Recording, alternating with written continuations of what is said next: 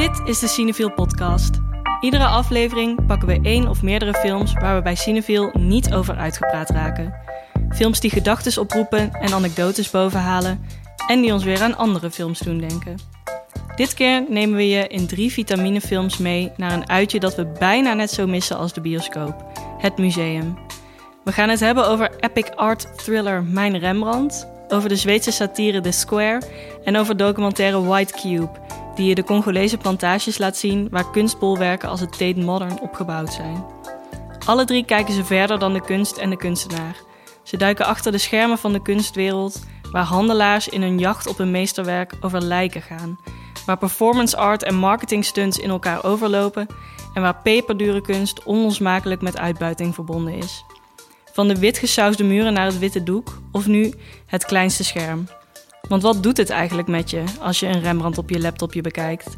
En kan een film je misschien wel meer vertellen over de kunstwereld dan een doodgewoon museumbezoek? Ik ben Jente Buskus en ik ben redacteur bij Cinefiel. Met mij in de studio zitten mijn collega's Lauren Murphy en Fien Veldman. Welkom. En we hebben vandaag een special guest. Kunsthistoricus en schrijver van de Cinefiel-rubriek Cinemart, um, Claire Hoogakker. Welkom, leuk dat je er bent. Dankjewel, heel leuk om hier te mogen zijn. Uh, wil je iets over jezelf vertellen? Wat doe je zo al in het dagelijks leven? Ja, je hebt al het een en ander verteld, maar ik, uh, ik ben inderdaad uh, kunsthistorica en ik schrijf over fotografie en film. Um, waaronder inderdaad voor, voor Cinewiel met veel plezier. En nu dus ook in de podcast. Superleuk. Ja, eerste keer. Echt Heel leuk. Ja. Uh, we gaan het vandaag hebben over uh, films waarin kunst de hoofdrol speelt. Um, maar ik vroeg me eigenlijk af, in welk kunstwerk zouden jullie zelf de hoofdrol willen spelen? Om te beginnen met Fien. um, ja, ik hoefde hier niet heel lang over na te denken. Ook wel omdat mijn parate kennis van kunstwerken niet per se heel erg groot is. Maar ik dacht aan een kunstwerk wat ik ooit heb gezien in het Stedelijk Museum. En dat heet The Beanery van Kienholz. En dat is een bar uit de jaren zestig. Heeft hij nagebouwd. Dus het is echt een soort van kamertje. Um, waarin gewoon een hele bar is nagebouwd. Dus er staat oh, cool. iemand achter de bar. Er, er zitten mensen op barkrukken. Ja, die mensen die hebben wel in plaats van een hoofd hebben ze een klok op hun schouders. Maar goed, verder is het dus gewoon helemaal een bar met gewoon asbakken en bier en I don't know what. En het ruikt ook echt zo. En oh, klinkt een ja, beetje als maar, een die hele quarantaine koortsdroom. Zie, maar het is allemaal een beetje een viezige bar eigenlijk. uh, het is meer een soort hol, zou ik het beschrijven.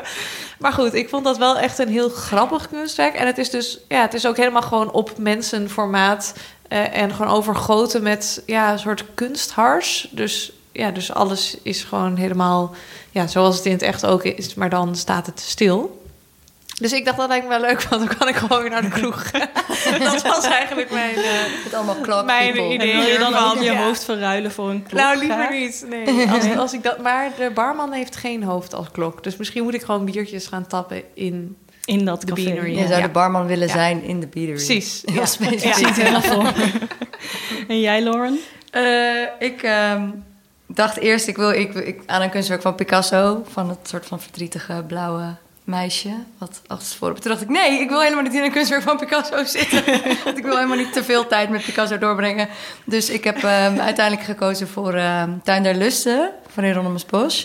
Uh, middeleeuws schilderij over de tuin der lusten. De tuin der lusten en de hel aan de rechterkant. Ja. En Adam en Eva aan de linkerkant. En in het midden de tuin der lusten. Wat een soort van totale waanzin is. Met allemaal hele fallische en vaginale beeldhouwwerken in roze. En allemaal naakte mensen en hele en ook wezens waarvan je niet weet wat het moet voorstellen. Fantasie, soort van never-ending story-achtige creatures. het, dat lijkt me gewoon... Ik bedoel, als ik in een kunstwerk zou willen zitten... zou ik ergens in willen zitten waar ik in het dagelijks leven... kan ook wel in Hopper willen zitten. Lijkt me ja, ook heel ja. mooi, weet je. Een mooie zon ergens uh, mooi verstild. in een Amerikaanse landschap. Maar um, ik, uh, het lijkt me heel vet om daar dan om in een soort van heel raar fantasiewereld... En uh, met dank aan onze collega Maan... die vorige week vertelde dat ze bij haar geschiedenisstudie uh, had geleerd dat um, er in rond 1500 half Nederland aan het trippen was door graanschimmels, waar later LSD uit is geëxtraheerd. Ja. en dat Hieronymus Bos daar dus ook uh, waarschijnlijk um, uh, werk over heeft gemaakt. En als je dat weet,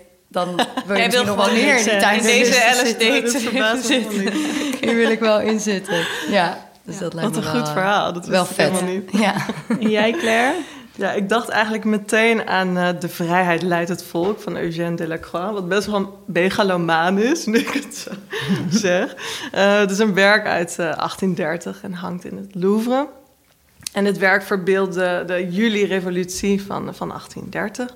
eh, waarbij de Franse middenklasse eigenlijk in opstand kwam tegen eh, koning Karel X. Ehm, maar dan een hedendaagse versie, zo zag ik het eh, voor me. Vandaag de dag zijn natuurlijk heel veel vrijheden ont- ontnomen. En daarnaast is er ook eh, natuurlijk veel ongelijkheid in de wereld, die nu alleen maar zichtbaarder wordt en eh, meer wordt, wordt uitvergroot. Denk aan de toegang tot vaccins en de gezondheidszorg in deze hele pandemie. Dus daar moest ik aan denken. En Wat daarnaast vind staat ik er op dat schilderij? Hoe ziet het eruit? ik ook het, het is, een, Is dat die vrouw met de een- vlag? Precies. Ja. Het is een vrouw met de eh, Franse vlag, nu Franse Oh, ja. vlag. Eh, daarvoor was het, eh, was het een Franse lelie, maar toen werd die nieuwe vlag ehm, inge- ingevoerd. eh, die dus staat voor eh, egalité, eh, ehm, liberté, égalité, fraternité. Ja. Ehm, Ah, dus En jij je ziet ziet dus- jezelf zo voor je als zo iemand. vrijheidsvechter. Ja. En niet per se door dat ontblote bovenlijf. Oh Eh, ja, oh. Ik ben vroeger Oké, wel ja. meegenomen Oh, dat, naar, dan eh, opeens weet ik over. Oh, die halfnaakte vrouw. Ja, nee, dat, dat, eh, dat mag wat mij betreft wel eh, geskipt worden. De naturistencampings van vroeger zijn me niet zo goed eh, bevallen. maar ehm, ja, ik vind het heel dat mooi gevoel dat... zou je wel willen... Ja, zo'n willen prachtige vrouw. Ik vind het prachtig dat de allegorie van de, ehm, van de vrijheid eh, verbeeld wordt door een vrouwenfiguur. En eh, ja, dat Met ze naakt- ontbloot bovenlijf. Ja, dat dan Precies, wel. dat dan wel. Maar in deze zin staat het heel erg voor kwetsbaarheid en daarmee ook voor, eh, voor moed. Ehm, ja, en ik, ik vind het heel erg bij cool, vandaag de dag passen. Cool, mooi. En jij, Jente? Wat, eh, Ehm, ja, ik dacht, ik, mijn, mijn kunstkennis reikt ook niet zo ver, omdat ik altijd wel dingen onthoud, maar dan alleen maar het beeld en niet weet van wie het is. ah, ja. Ehm, maar ik moest aan eh, Edgar Degas denken. Ehm, een Franse schilder, een impressionist geloof ik, die heel veel ehm, schilderijen en ook beeldhouwwerken heeft gemaakt van ballerina's. Ja. En ten eerste vind ik ballerina's heel cool, omdat zij allerlei dingen Echt, kunnen die ja. ik niet kan. Eh, en ze hebben gewoon een soort van, het zijn bijna een soort van feeën of zo, heb ik altijd het idee. En zijn schilderijen zijn ook heel erg, ja, ze hebben iets vluchtigs of zo, of iets, iets dromerigs waar ik heel erg van hou. En het lijkt me gewoon heel fijn om onderdeel te zijn van zo'n groepje ballerina's in in Ja, Frankrijk. soort, Ja. Er zit een soort Ja. adem... Oh jee, sorry, ik botste tegen mijn microfoon aan. Ik hoop niet dat jullie er last van hebben. Ik wilde namelijk de wind in het werk van Degas laten zien. Toch alsof die Ja. titel een soort van... Ja, Dat heel gevoel. mooi omschreven. Ja. Ja. Ja. Oké, terug eh, naar de filmwereld. Want we gaan het vandaag dus hebben over kunstfilms. Te beginnen met, Fien, jouw Mijn allerfavoriete film ooit. lievelingsfilm ever.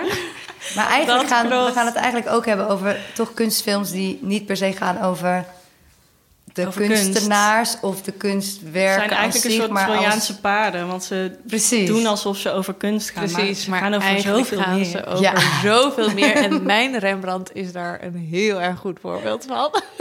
Als de Rembrandts in deze categorie op de markt komen, betekent dat actie. Nous aussi, on voulait les deux peintures. Leggen die Fransen dus ineens 80 miljoen op tafel? Een diplomatieke rel. Nou en? Nou en? Laat maar komen, joh. he lets himself go. A free spirit, in fact. I completely, completely relate to the obsession. Maar dat je echt iets ontdekt uit het niets. You've got one shot. Dat is zo fantastisch. We hebben het gekocht. 120. Dat is een goeie, hè? Ik dacht... uh, Het is het ook eh, Fiens ja, denk ik. Gelijk. Bijna wel, inmiddels. ik heb het alleen maar over deze film echt al een jaar. Dus ehm, Eindelijk. ja, het is zo'n fantastische film. Ik ben echt blij dat meer mensen hem kunnen zien. Want ik kan hier gewoon nou ja, uren over praten. Dat zal ik nu niet doen, want...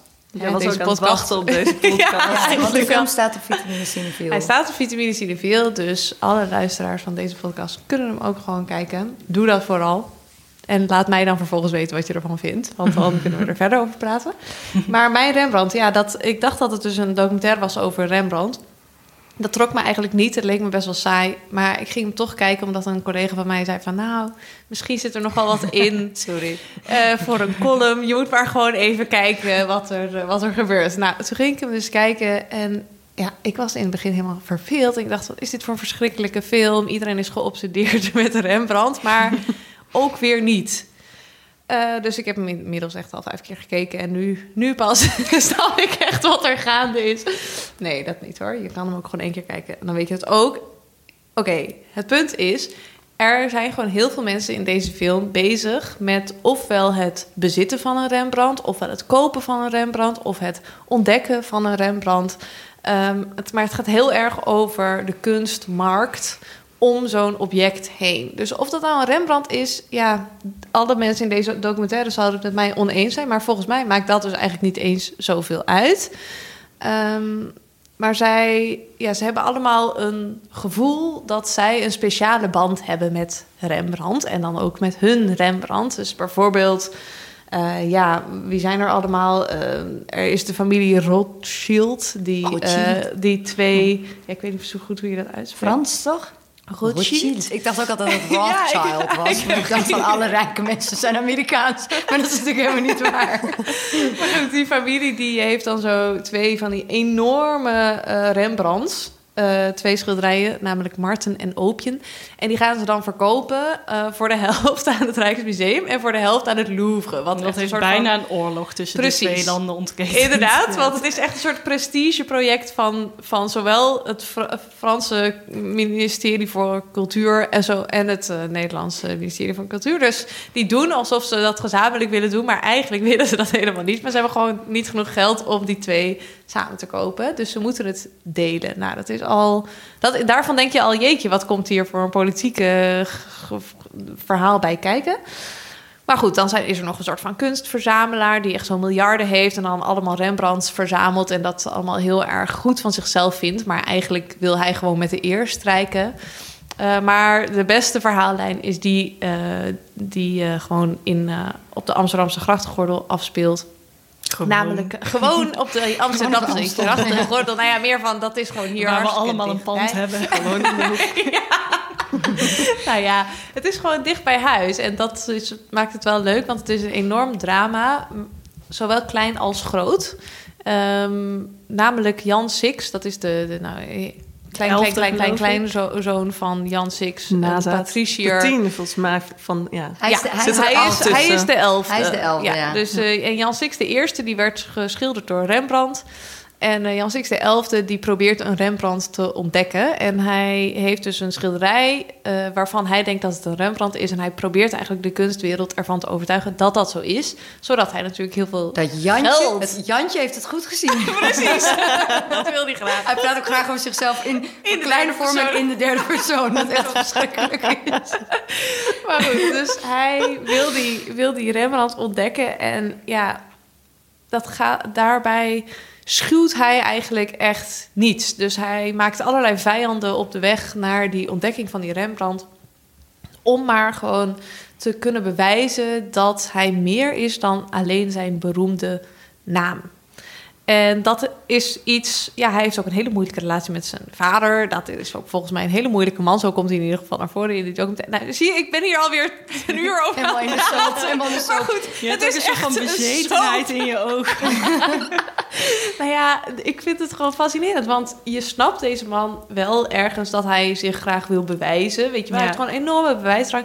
Ja, maar hij gaat echt over lijken. En hij heeft zeg maar niet helemaal door in wat voor sociaal-economische positie hij bijvoorbeeld zelf zit. Waardoor hij dus zel- zichzelf altijd als een soort van underdog ziet. die zo Rembrandt ontdekt. Terwijl, ja, Jan Six de elfde is gewoon geen underdog. Sorry, maar dat kan gewoon niet. Sowieso, als je de Dus- elfde of welk ander getal in je naam hebt, kun je jezelf wel geen underdog noemen. Nou goed, ja, dus het is, het is Maar gewoon een heel ziet- drama. En Je ziet in de film Ja. niet echt dat hij over lijken gaat. Toch, dat is ook iets wat je weet door het Dat nieuws. klopt, dat weet je ook wel. Inderdaad, bijvoorbeeld afgelopen weekend stond er een artikel op de voorpagina van het NRC weer over hem. Dat hij namelijk alweer een soort van, ja, wordt beschuldigd van toch wel, ja, hoe zeg je dat? Vriendschappen. bedrog. bedrog, Laten ja. we het zo noemen. Ja, ja. gewoon bedrog. Dus hij, hij liegt en bedriegt eigenlijk gewoon zijn weg door die kunstwereld om maar eh schilderijen te kunnen kopen en verkopen. Dus nou, het is gewoon heerlijk. I love it. Ik, ik wacht gewoon op mijn Rembrandt deel 2. Want Ja. ik denk dat dat nu wel kan gaan komen.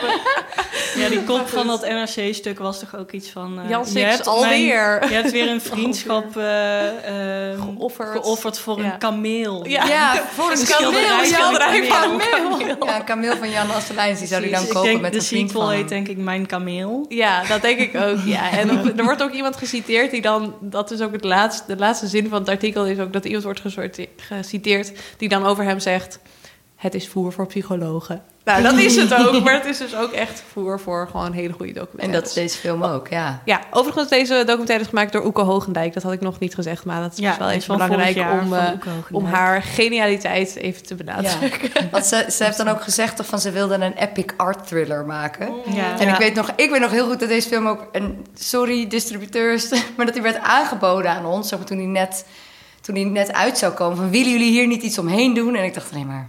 Nee, Ja, het volgens mij wil ik dat niet. Maar Volgens mij, is- ik weet niet of onze doelgroep dat wel heel leuk vindt... om heel erg over Rembrandt te gaan praten. En nu denk Ja. ik, oh, wat een misser. Want het is inderdaad zo juicy en echt een thriller ook. Het is gewoon Ja. echt spannend. Ja, het is echt Wat er spannend. gebeurt. Mensen gaan naar afgelegen kastelen in Schotland, waar dan Ja. weet je, ook zo'n schilderij dan met poezelige handje wordt vastgepakt. Maar dan ook is er één zo'n kunsthandelaar, Thomas, hoe heet hij van zijn achternaam? Kaplan. Ja, Kaplan, Ja. die dan Ja. toegeeft, ik zal je wat vertellen. Toen ik voor het eerst mijn eigen Rembrandt in de handen had, heb ik haar een zoen op de mond Ja. gegeven. En dan denk je ook, want hij praat ook over haar alsof het een vrouw is. Ja, die ik denk alleen maar gekocht, laat haar met toch? rust. Die die zich toe eigenlijk. Die die zich toe. Hij zegt net Zo zo, ik mag haar aanraken. over, zijn, Ja. over die werken die hij koopt. Hij koopt één werk per week. Ja. Dat zegt hij ook ongegeneerd. Daar is hij Ja. echt trots Ja. op. En hij noemt zichzelf ook een, eh, een ordinaire materialist. Ja, maar ja, dat gaat- vond ik dan wel weer leuk. Wel Dat dacht eerlijk. ik, Ja, dan heeft dat- hij wel ja. weer zelfspot, Ja. zou je denken. Ja. Maar het gaat tegelijkertijd juist over van. Ik kreeg ook het gevoel, als je van Rembrandt houdt, maar ook door deze film, van er zit een bepaalde ziel in die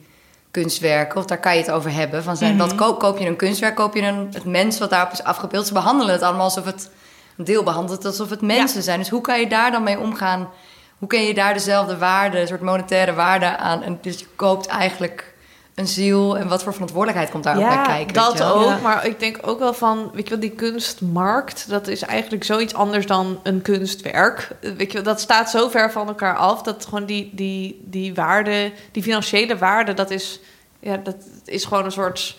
Ja, eh, Concept. ja, het is gewoon Ja. een concept wat, wat iemand heeft verzonnen van... oké, nou laten we daar 130 miljoen... eh, ik weet ik veel, ik zeg maar wat. Ja. Maar het, eh, dat die absurditeit of zo daarvan... ja, dat komt ook wel in, in, eh, ehm, ja, in andere films over... bijvoorbeeld in The Square, maar eigenlijk ook over in White Cube... eh, heel erg naar voren van dat... Ja, Dat geld eigenlijk zoiets nou ja, zo dat random. waarde wordt Ja. gewoon gemaakt. Zoiets abstract. Ja. Ja. Ja. Eigenlijk de enige persoon in mijn Rembrandt die wel... waarvan ik wel het idee had van... jij hebt echt liefde voor Rembrandt... is die Ernst van de Wetering. Ja, Ernst van de Wetering de grootste. Rembrandt-kenners Ja. Wie is Ja, Ernst van de absoluut. van Wetering? Nederland. Ja, een van de grootste is- Rembrandt-kenners van Nederland. Die is inmiddels 80 of zoiets. Ja, Ja. Hij, is, eh, hij is best Ja. wel oud, maar hij is En die weet het dus eh, te herkennen dan of het een echte rem. Die komt op een gegeven moment ook langs bij Jan Six en dan herkent hij het niet meteen. En dan zie je ook echt zijn hart breken. Terwijl, dan Van, zie je hem heel even denken, ik kan het niet meer. Ik ben... Nee, en dan dat, raakt hij dat, het toch. oh, dat, nee, ik dacht dat hij juist niet zo... Ik dacht dat hij ze- ziet van... Ja, sorry Jan, want het is ook een vriend van een Jan Ja, sorry, het is en dat hij gewoon zegt van... Sorry, maar het spijt me, maar het is geen Rembrandt. Oh, ik dacht dat, dat, dat, hij, dat Jan Six er zo van was overtuigd... dat Ernst van de Wetering dacht, het is hem wel, maar ik zie het niet. Oh ja, en, nee, nee, nee, Want dan nee, zegt hij nee, toch ook, ik voel me niet lekker, ik moet Ja, even klopt. weg. Ja. Toen dacht ik, oh, zijn hele bestaansrecht. namelijk dat hij weet wat er... Oh, ik heb Nee, heel volgens mij niet. Hoor. Volgens mij is het echt zo dat hij gewoon zoiets heeft van... ik hoop zo voor jou dat het een Rembrandt is. Want zij zijn vrienden in het begin van de film. Zijn ze in ieder geval nog vrienden. Niet meer. Maar eh, ja, dus hij hoopt gewoon van dat hij Jan Six gelijk heeft... want die heeft daar zoveel in geïnvesteerd. Mm. En dan zegt Ernst van de Wetering eigenlijk van... nee, dat is niet zo. Maar daar komt hij dus later op terug. Dus dat is ook wel een opvallende Ja. move. Ja, En, nog steeds zeggen heel veel mensen in de kunstwereld Ik van... ah, persoonlijk, het is geen Rembrandt. Als geen kunstkenner. denk van niet. Wat denk jij? Jij gelooft het nu. Wat denk jij? Jij hebben bent eigenlijk de autoriteit, Claire. Is het Ja, een Rembrandt? Ik ben niet per se een Rembrandt-kenner. Nee, dat, dat durf ik niet te zeggen. Nee. Wat Dat hoop laat je? ik over aan de, aan de Six. Natuurlijk hoop ik het. De Rembrandts eh, zijn te schaars op dit eh, moment. En te veel in privé eh, Bezit. collecties. Ja. Ja. Oh, ja. Ja. privé Ja. klauwen. Ja. Dus in die zin, ehm, dat zegt ook eh, de, de directeur van het Rijksmuseum... van als er dan een Rembrandt op de markt komt... dan is dat wel echt... eh, Dan ben je er wel Ja. 100, Bijzonder. 160 miljoen, was het zo'n formaatje. En ook Ja. ja. Allebei ja, 80. Allebei miljoen. 80. Ja. Ja, dat is echt Wauw. waanzin. En dan is het er tussendoor ook zo'n wat zo'n ouder, ouder, wat ouder stel. Ja, ik, kon ik niet helemaal plaatsen. Die zit gewoon aan hun keukentafel. Ja. Dat hele schandaal mee te krijgen. En dan zegt ze te loops... Oh, nou, maar dan kunnen we daar wel weer op bieden. Of zo. Van, oh, dan gaan we wel dat werkje even kopen. Ja, en ook als ze dan bij Jan Ook Six op echt. kantoor komen, dat ze dan eh, naar een hondhorst kijken en dat, Ja. ze, dat ze dan op een gegeven moment zeggen, of dat Jan Six zegt, ja, maar daar zijn jullie niet voor. En dan zeggen ze, nee, we hebben al een hondhorst. Ja, Zo van, oké. Ja, dat, maar dat vind ik dus ook wel heel leuk aan die documentaire. Want het, laat echt, het geeft echt een inkijkje in een wereld... Ja, waarvan ik echt zo dacht... ver Ik bedoel, je weet wel ja. dat het bestaat, maar dat dat... Ja, het staat zo ver van je af. Het is gewoon echt... Wie, wie- welke wereld leven deze mensen? Weet je, wel, dat Mhm. dacht ik gewoon eigenlijk de hele tijd. Maar dat is... Nou ja, dan laat Ja. Oeke Hoogrijk dat best wel goed zien. Nou, in deze wereld dus, waarin... Ja, Ja, die zet Ja. gewoon de camera erop en dat, Precies. eh, dit gebeurt Ja. gewoon. ja. Ik denk ook dat, eh, dat het eigenlijk niet zoveel uitmaakt. Of ja, het maakt natuurlijk wel uit of het echt een Rembrandt is of niet die die ontdekt. Maar het, de soap is zoveel juicier als je het niet zeker weet. Ja, precies. Want ook in die film wordt het eigenlijk ook toch niet helemaal. Ja, het wordt Nee. wel zeg maar alle vieringen van dat, het, dat, Dat het hij dan dat is, eh, ja. schilderij mag presenteren op tv en zo. Dat wordt allemaal wel geregistreerd. Maar er blijft toch een zweem van onzekerheid Mhm. over hangen. Ja. In, in ieder geval. Ja, en dat Dus maakt het zoveel meer dan een film Ja, waarin er dat alleen maar... Want er zijn wel een paar momenten waar er dan wordt gesproken over wat Rembrandt zo goed kon. Wat we natuurlijk ook, wat je op school leert. En, dat en Ernst van de Wetering die zegt dat dan wel op een gegeven moment heel leuk. Want ik zeg van, heb je die man, die, die eenzame man met die verrukkelijke manchet. Ja, ja, ja. Gekeken naar hoe die manchetten zijn geschilderd. Maar ik bedoel, dat is natuurlijk heerlijk, maar dat wil je niet twee uur lang naar kijken. Of dat, Nee. dat ben je, dat, er zijn nog genoeg films over. Dus het wordt pas interessant omdat het juist gaat over meer dan alleen de kunst omschrijven.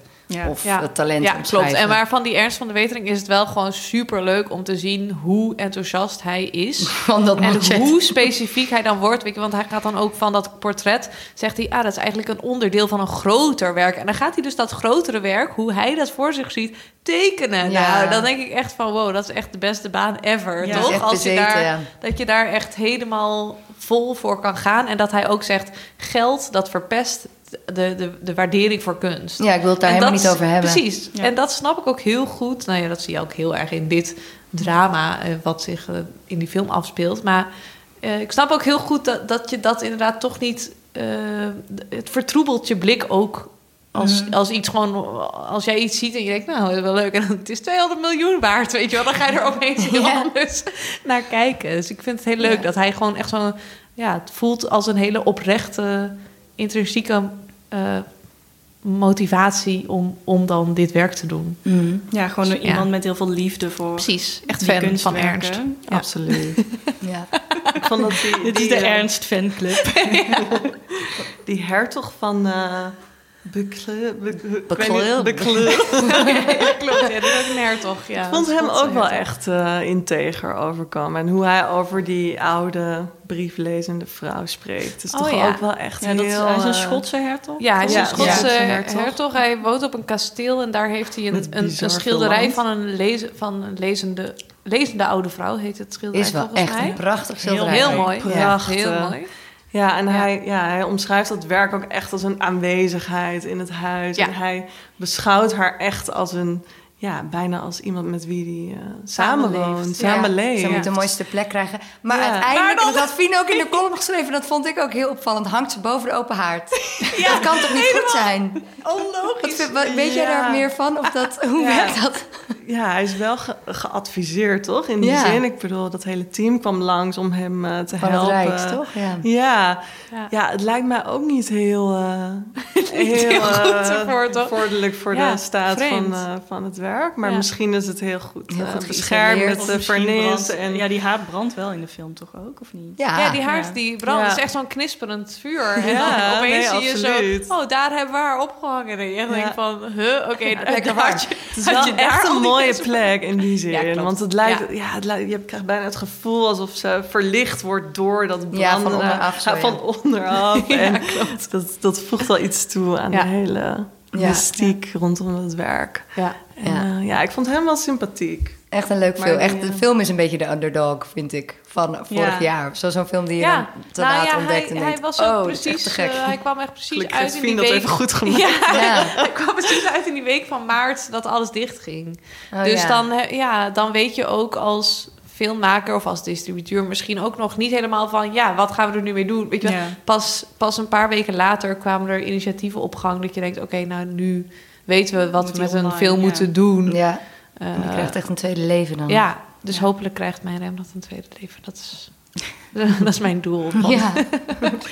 Ehm, een andere film die eh, achter de schermen van de kunstwereld duikt, maar dan fictief, is The Square. What are the biggest challenges in running a museum? We're a museum of modern and contemporary art, so we need to present art that is the art of today, art that is absolutely cutting edge, and the competition is fierce. If you place an object in a museum, for instance, if we took your bag and placed it here, would that make it art? Ah.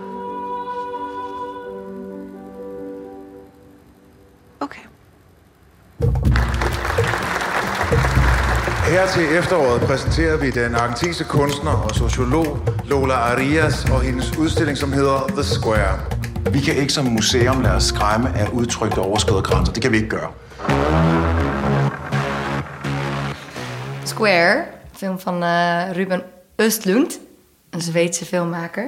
Film komt uit 2017, aan mijn hoofd. Ja. Ehm, daarvoor had hij eh, Tourist of eh Force, Ma Force Majeure. Wat ik gek vind, is nou niet gek vind, het is Frans, maar hij is Zweeds. Eh, Ruben Östlund houdt heel erg van ongemakkelijke situaties en falende mensen. In Force Majeure was dat een vader die eh, blijkt niet zo heldhaftig te zijn als hij zich voordoet. En in The Square is dat eigenlijk de hele kunstwereld, maar gepersonificeerd in Christian, een curator van een, ehm, een museum. Of is het een galerie? Nee, het museum. Ja, toch? ja, het Royal. X in het, in het paleis. En ehm, hij is zogenaamd iemand die natuurlijk heel erg bezig is met kunst als soort sociaal experiment. En kunst wat staat voor iets groters en wat ons verbindt. En hun nieuwste aanwinst is The Square. En dat is een uitgetekend vierkant op straat waarbinnen iedereen gelijk is. En waarbinnen je dus om hulp kan vragen en dat dan ook kan ontvangen. Ehm, en nou ja, daar, daar is van alles omheen. Dat is een hele grote opening doen ze er omheen en zo. Maar eigenlijk in Christians eigen leven voldoet hij op geen enkele manier aan wat de Square pretendeert te zijn. Dus hij, eh, nou ja, hij is gewoon wat dat betreft helemaal niet Apple. Hij is sowieso natuurlijk heel rijk en heel geprivilegeerd. Maar er wordt in het begin vraagt een vrouw bij hem om hulp ehm, tegen een, eh, een, een eh, overvaller. En eerst hapert hij überhaupt om haar te helpen, maar uiteindelijk doet hij het wel en dan blijkt zijn portemonnee gestolen te zijn. En vanaf dan ontvouwt zich eigenlijk de een naar de andere eh, ontwikkeling waar hij gewoon stevast de verkeerde keuzes in maakt. Eh, het is heerlijk om naar te kijken, maar het is ook heel pijnlijk. En het is eigenlijk een soort aaneenschakeling van set pieces of zo, die, waarvan ik eerst dacht, het ligt allemaal wel heel erg dik bovenop. Zo van, is dit een satire of is dit echt een parodie op de moderne kunstwereld? Weet je wel, iedereen, het begin, bijvoorbeeld, in het begin zit er ook een scène dat een journalist, gespeeld door Elizabeth Moss, hem vraagt naar de betekenis van de, de uitleg van het werk in een boekje. En dat is dan heel erg zo stereotypisch zoals moderne kunst. Gewoon geen touw aan vast te knopen. En hij kan het zelf eigenlijk ook niet echt uitleggen. Ehm, dat is een voorbeeld, maar ook eh, een scène, een, een performance kunstscène... waarbij een man eh, tijdens een heel chic diner voor allemaal fondsenwervers en zo... eh, doet alsof hij een aap is. En dat gaat als die wordt uitgenodigd als Oh, performance zo'n kunstenaar. heftige scène. Ja. En niemand steekt een poot uit, terwijl hij echt allemaal gasten gewoon aan het assaulten is en aan het intimideren. Echt Ehm, En pas eh, als hij... eh, een v- ja, wacht, ik zal het niet spoilen. Nee, maar. op een gegeven moment gaat het te ver en dan, eh, dan ontstaat er inderdaad allemaal geweld. Ehm, maar ja, dus allemaal van dat soort... Eigenlijk, je denkt is losstaande setpieces, maar ze staan... En je denkt het is overdreven. Maar tegelijkertijd denk je, ja, maar dat is het ook weer niet. Zo. Dit zou zo kunnen gebeuren. Sterker Ja. nog, een heel groot deel van die scènes is gebaseerd op eh, de realiteit. Dus ehm, de man bijvoorbeeld die de aap speelt, die is gebaseerd op uh, Oleg Kulik, een Russische kunstenaar die altijd deed alsof hij een hond was. Een performance kunstenaar. Dan stond hij in een museum en dan had hij een bordje daarnaast met Don't Pet the Dog. En als mensen dat wel deden, dan, dan vielen ze gewoon aan en beten ze in hun benen. En zo. Dus hij heeft ook ooit de dochter van een curator gebeten. Precies, ja. en um, uh, werd, wordt trouwens die man die de aap speelt, wordt gespeeld door Terry Notary. Iemand die uh, ook bijvoorbeeld een aap speelt in Planet of the Apes. Oh, van die motion hele captures. Goede kan echt heel trouwens. goed een aap ja, bizar goed. Ja. Um, maar ja, dus het is, je denkt eerst het is over de top, maar het is eigenlijk, voor mij gaat de Square minder over de moderne kunstwereld dan gewoon over de maatschappij. Dus op een bepaalde manier is het in zichzelf dan al is het een soort van kunst of een soort performancewerk. Want het gaat over hoe wij allemaal bepaalde sociale contracten hebben met elkaar. Van je doet dit wel, je doet dit niet. En binnen de moderne kunstwereld praat je zo, thuis Ja. praat je Ja, zo. ja. En Heel hoe, regels, ongemak- hoe ongemakkelijk het is als daar doorheen wordt gebroken. Of als, daar, als mensen zich niet aan die regels houden en dan eigenlijk totaal reddeloos blijkt te zijn. Dus ehm, nou ja, daar, voor mijn gevoel gaat het eigenlijk vooral daarover. Ik vind het echt een steensterk film. Je kan hem echt heel vaak kijken. Ik heb hem pas twee keer gezien. Maar...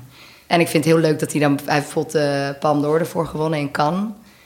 Waarvan je dan eerst ook denkt... oh, wat grappig dat zo'n film dan in Cannes het heel goed doet. Maar eigenlijk ook weer heel logisch. Want ze zijn moderne kunst- en filmcritici... zijn ook weer heel erg gewend om zichzelf op de hak te nemen. Ja. Ja. Dus past, dat past ook weer helemaal in het plaatje. Ik heb jullie hem gezien? Ja, Ja. ik vind het Ja. ook echt... Het is ook een hele grappige film. Heel grappig. Maar ook heel pijnlijk. Heel ongemakkelijk. Ja. ook volgens mij is er dan toch ook zo'n scène dat dan zo'n chef die gaat dan zeggen van het buffet is geopend en dan gaat hij zeggen wat er Wat er allemaal op het menu te- op het menu staat, maar intussen loopt iedereen dus al gewoon Ja. zo van naar het eten. Mensen toe. rennen bij Ik heb En daar is hij heel dan meegemaakt boos in mijn leven, dit soort dingen. Ja, want het begint juist met daarvoor heeft hij dan heeft Zo Christian juist een speech gehouden over de square gaat over ongelijkheid in de wereld En een plek waar iedereen en kan zeggen zodra wat hij stopt met, ja. ja. stopt met praten, rent iedereen naar de free food. Ja. maar, ik vond het zo herkenbaar, want ik heb ook heel lang in de horeca gewerkt. En dan heb je toch altijd wel op een avond zo'n tafel waar je dan alle specials aan het uitleggen bent. En dat er gewoon na het tweede gerecht wordt er gewoon door je heen gepraat. En gaat iedereen weer verder met zijn eigen gesprek. Oh, ja. En die chef in de, in de square, die gaat dan ook echt schreeuwen van... Nee, jullie gaan nu luisteren. en luisteren. Oh ja, oh, oh. Want er is ook nog saus. ja, ja, precies. Oh ja, dit, dit was ik helemaal vergeten. Hij wil gewoon nog even zeggen wat er in de saus zit. En je, je blijft maar gewoon staan. En dat heb ik zo vaak willen doen in mijn leven. Ja, luister. Echt heel luister. bevredigend. Ja, en daarvoor ook die speech, die, die, of het openingswoord wat Christian dan houdt, dat heeft hij dan ook geoefend van tevoren thuis of in het toilet. Probeer even. Ik heb hem niet. Ja, volgens mij op het Op toilet. het toilet toch is hij die speech aan het oefenen, maar dan oefent hij zelfs het spontane moment dat hij zijn speech wegstopt Ja. en zegt nee. Ik ga het vanaf nu uit mijn hoofd doen. Dit voelt kunstmatig. Maar ook dat heeft hij dan Ja. geoefend. Zo, Dat soort kleine dingen. Ja, het, zijn gewoon heel, het is gewoon heel slim geschreven vooral. De Square. En ehm, er zijn ook wel, ik heb ook wel dingen erover gelezen... dat mensen het echt heel een hele kwalijke film vinden... en alleen maar heel stereotyp. En, terwijl Östlund zelf dus zegt... ik hoefde eigenlijk gewoon helemaal niet ver te zoeken...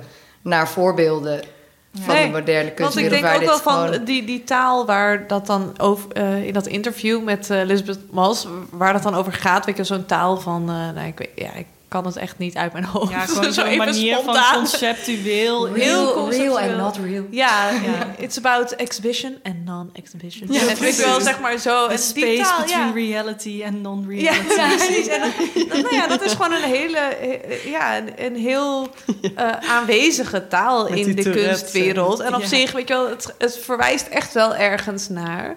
Maar eh, zij, zij heeft natuurlijk ook heel erg een punt dat ze dan zegt van, oh, leg eens uit. En dan legt hij het uit en dan, of dan zegt zij zo van, ja, I'm, I'm just not as educated as you are. Ja, en daar wel? gaat En het dat- natuurlijk om. Dat het, die ja, taal is, het zijn soort regeltjes. Ja. Die Ja. zijn, die je, als je die taal spreekt, then it makes sense. En ook, het, het, dan slaat het ook ergens op dat het nergens op slaat. Want dan misschien gaat het juist over van van, oh, dat is dat gebied ertussenin. Het laat ruimte Ja. voor interpretatie. Dus we houden het bewust vaag. Ja. Maar als je niet, geen kunstgeschiedenis hebt gestudeerd, zoals ik bijvoorbeeld, ik heb heel veel moeite met moderne kunst. Daardoor vaak, omdat Oh, ik ja. altijd denk, als ik bij de Appel dan weer eens ben geweest, ik snap er gewoon echt helemaal niks van, vaak. Ik kan me heel goed voorstellen. ja.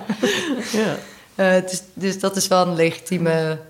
Het is leuk als een zo'n journalist in een film dat dan een keer in vraag stelt. Ja. Dat vind ik ook. Want ik denk wel van, ah ja, het is echt een. eh, het maakt gewoon heel erg duidelijk hoe ver een deel van die kunstwereld in ieder geval afstaat van mensen die bijvoorbeeld niet heel hoog opgeleid zijn of niet zeg maar bekend zijn met een soort eh, ja, traditie of zo. Dus, dus eh, wat voor omgangsvormen er allemaal zijn. Wat jij zei over die sociale contracten, dat vind ik inderdaad heel goed van de Square. Die laat echt zien van er zijn zoveel afspraken en ongeschreven regels die ja, hoe meer je natuurlijk in die wereld beweegt, hoe meer je dat we- ook wel leert. Het is niet alsof je dat niet kan leren, maar het is wel, ja, sommige mensen die groeien daarmee op. Ja. En sommige mensen die hebben echt geen idee en die vinden het dus ook heel ja, intimiderend om bijvoorbeeld een, een eh, museum in te gaan. Ja, precies.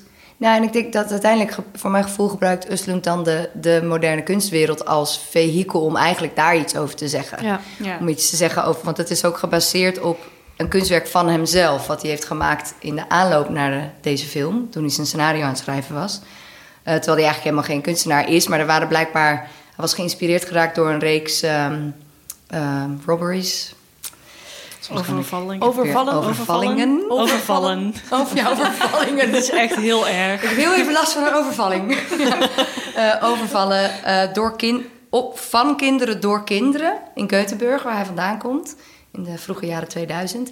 En niemand deed toen iets. Dat is natuurlijk zoiets, dat soort van de bystander effect. Dat dus Ja. niemand iets doet als er iets ergs gebeurt. Wat dus ook in deze film gebeurt tijdens dat diner. Als die Ja. aapman Ja. mensen lastig valt. En hij vond dat dus een heel interessant sociaal dus wacht gegeven. even, dus kinderen die beroofden andere kinderen. Jonge kinderen beroofden andere kinderen. Oh, oké, ja. En dat was, waren er heel veel, een hele reeks. En er gebeurde gewoon nooit iets. Mensen deden nooit iets. Ja. Eh, en nou ja, ik denk dat dat, dat is ook in de psychologie hebben ze ook heel veel van dat soort onderzoeken gedaan. Toch van, nou, je, je laat een tas sinaasappelen vallen midden op straat. Iemand probeert ze op te rapen en niemand komt helpen. Ja. Oh ja. Want tenzij één iemand begint en dan, En dan begint- komt gaan iedereen. dit thema komt eigenlijk ook weer terug in The Tourist. Precies. Dus dat, hij vindt dat onderwerp gewoon heel Ja. interessant, denk ik. Van Ja. het, en, en toen heeft, is hij dus begonnen met... we gaan een square maken op een, kruis, een druk kruispunt... of gewoon ergens midden in de stad. Een ruimte. En als je daarin staat, vraag je om hulp voor iets. Wil je me helpen hiermee? Wil je me helpen hiermee? En dan is het experiment om te kijken van... gaan mensen dat binnen die ruimte dan wel doen? Ja. Omdat ze Oh, ja. weten dat dat de bedoeling van dat kunstwerk is, zeg maar. Nou, en daar is deze film dan weer een resultaat Cool, van. Dus ja. dat loopt allemaal een beetje in elkaar over. Ja, want je ziet dat in de film ook echt heel vaak, toch? Dat soort momenten dat iemand om hulp vraagt en dat er niemand Ja. komt. Echt op de meest basic levels van mensen die aan het bedelen zijn, maar ook... Oh ja, ehm, klopt ja. eh, als hij zijn telefoon kwijtraakt, dan vraagt hij aan mensen die voorbij lopen van... hey, mag ik je telefoon even lenen? En mensen Ja. negeren hem gewoon Ja. ook. Ja. ja.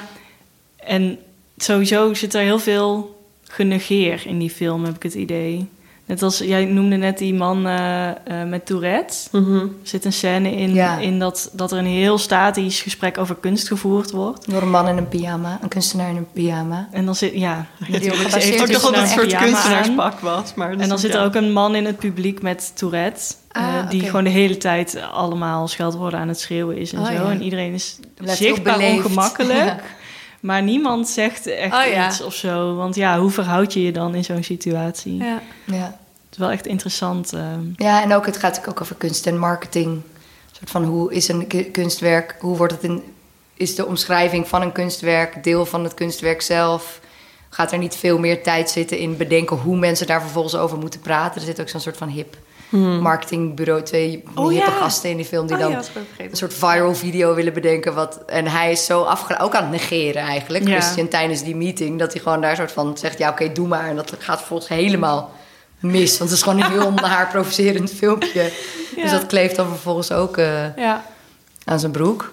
En ehm, ja, dat, en ik vind het wel grappig, want hij is dus zelf, eh, Ruben Östlund is zelf ook een keertje helemaal viral gegaan met een filmpje.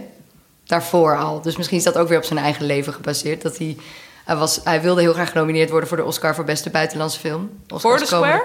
Voor Tourist. Voor Tourist, ja. En dat, ehm, dat lukte toen niet. En daar heeft hij toen een filmpje, hij heeft een filmpje opgenomen terwijl hij en zijn producent aan het wachten waren. Appels etend, wat bijna ook een soort van performance. Ik denk van, is dit bedacht? Hebben jullie allebei zo'n Granny Smith zo heel luid, zo kijkend naar de webcam? Zitten ze dan in de Trump Hotel in New York, ook wel grappig gegeven. Ehm zitten ze te kijken naar de bekendmaking van die nominaties. Dat is misschien wel leuk om eventjes te laten zien.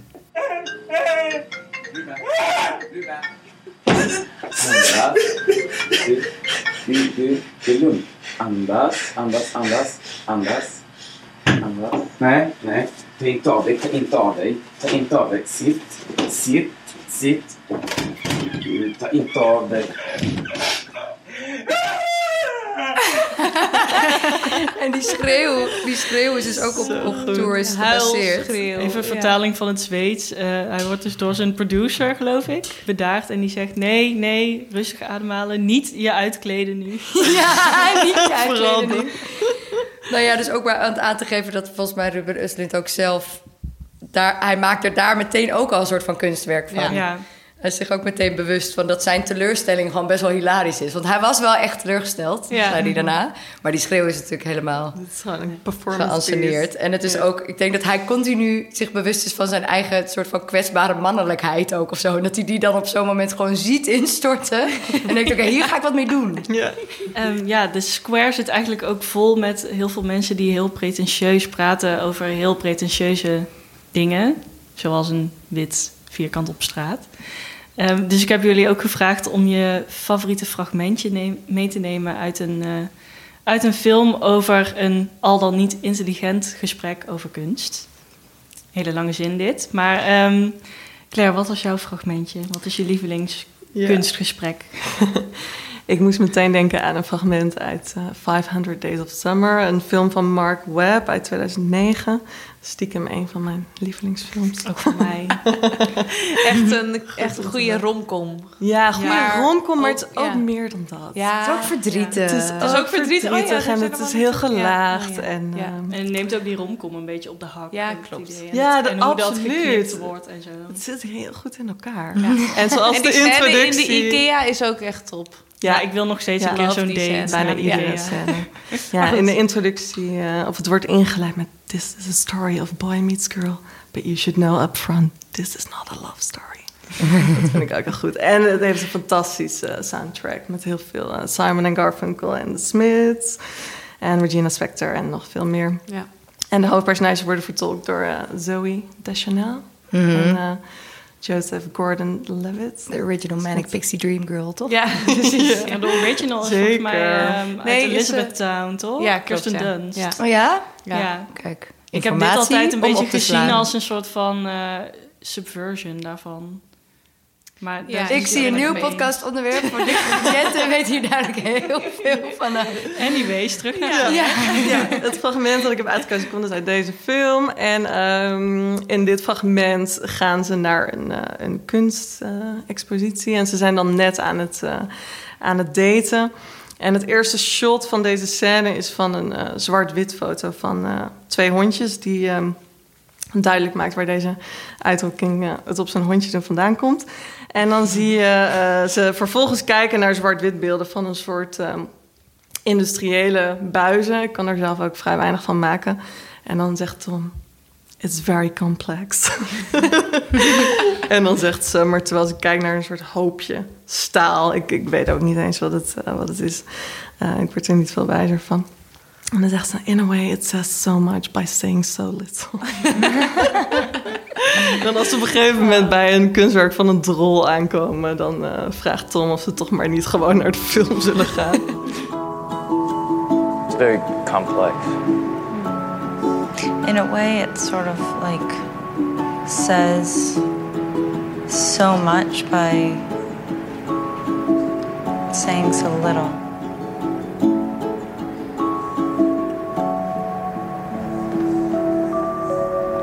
You want to go to the movies? Yep. Hebben jullie wel eens een date, een date meegenomen naar het museum? Ik zou Nee. dat Of doodeng zijn jullie wel eens meegenomen naar een museum? Nee. Ja, ik wel. Ja, standaard, wel. standaard date eigenlijk. Maar dat is natuurlijk ook waar jij shined. Dat, dat is waar je je misschien het meest comfortabel voelt, niet? Ligt er maar net aan als ik hierheen Ja. was gegaan. Dan, eh, dan had ik ook niet zoveel eh moois kunnen... Maar proberen mensen jou dan zo te imponeren met hun kennis over kunstgeschiedenis? Zo van, kijk, ik weet dit ook. Hmm, het is alweer een tijdje geleden. Ja, ik zou het ook, dat merk je ook bij deze scène. Ik, je wil gewoon heel graag indruk maken dan op iemand. Ja, dus je durft niet te zeggen cool dat het probeert eigenlijk kutkunst Ja. is. Dat vind ik ook zo leuk aan deze Dus dan scène. heel lang volhouden dat je heel intellectueel bent en, eh, en dat, je, dat je daar alles van af weet en dat je het heel complex vindt allemaal. Maar Ja. ja, En dan weet je wel dat je een goed iemand hebt gevonden als je gewoon kan zeggen, zullen we naar de film gaan? Ja. En soms kan het heel pretentieus overkomen, inderdaad, als je probeert er maar iets van te maken. Maar hier vind ik het heel aandoenlijk en heel lief eigenlijk. En heel grappig. En eh, het is gewoon lekker herkenbaar betreft het uh, Carlo's zwetsen over kunst. Ja. Een beetje het tegenovergestelde van, eh, dat kan mijn kleine nichtje ook.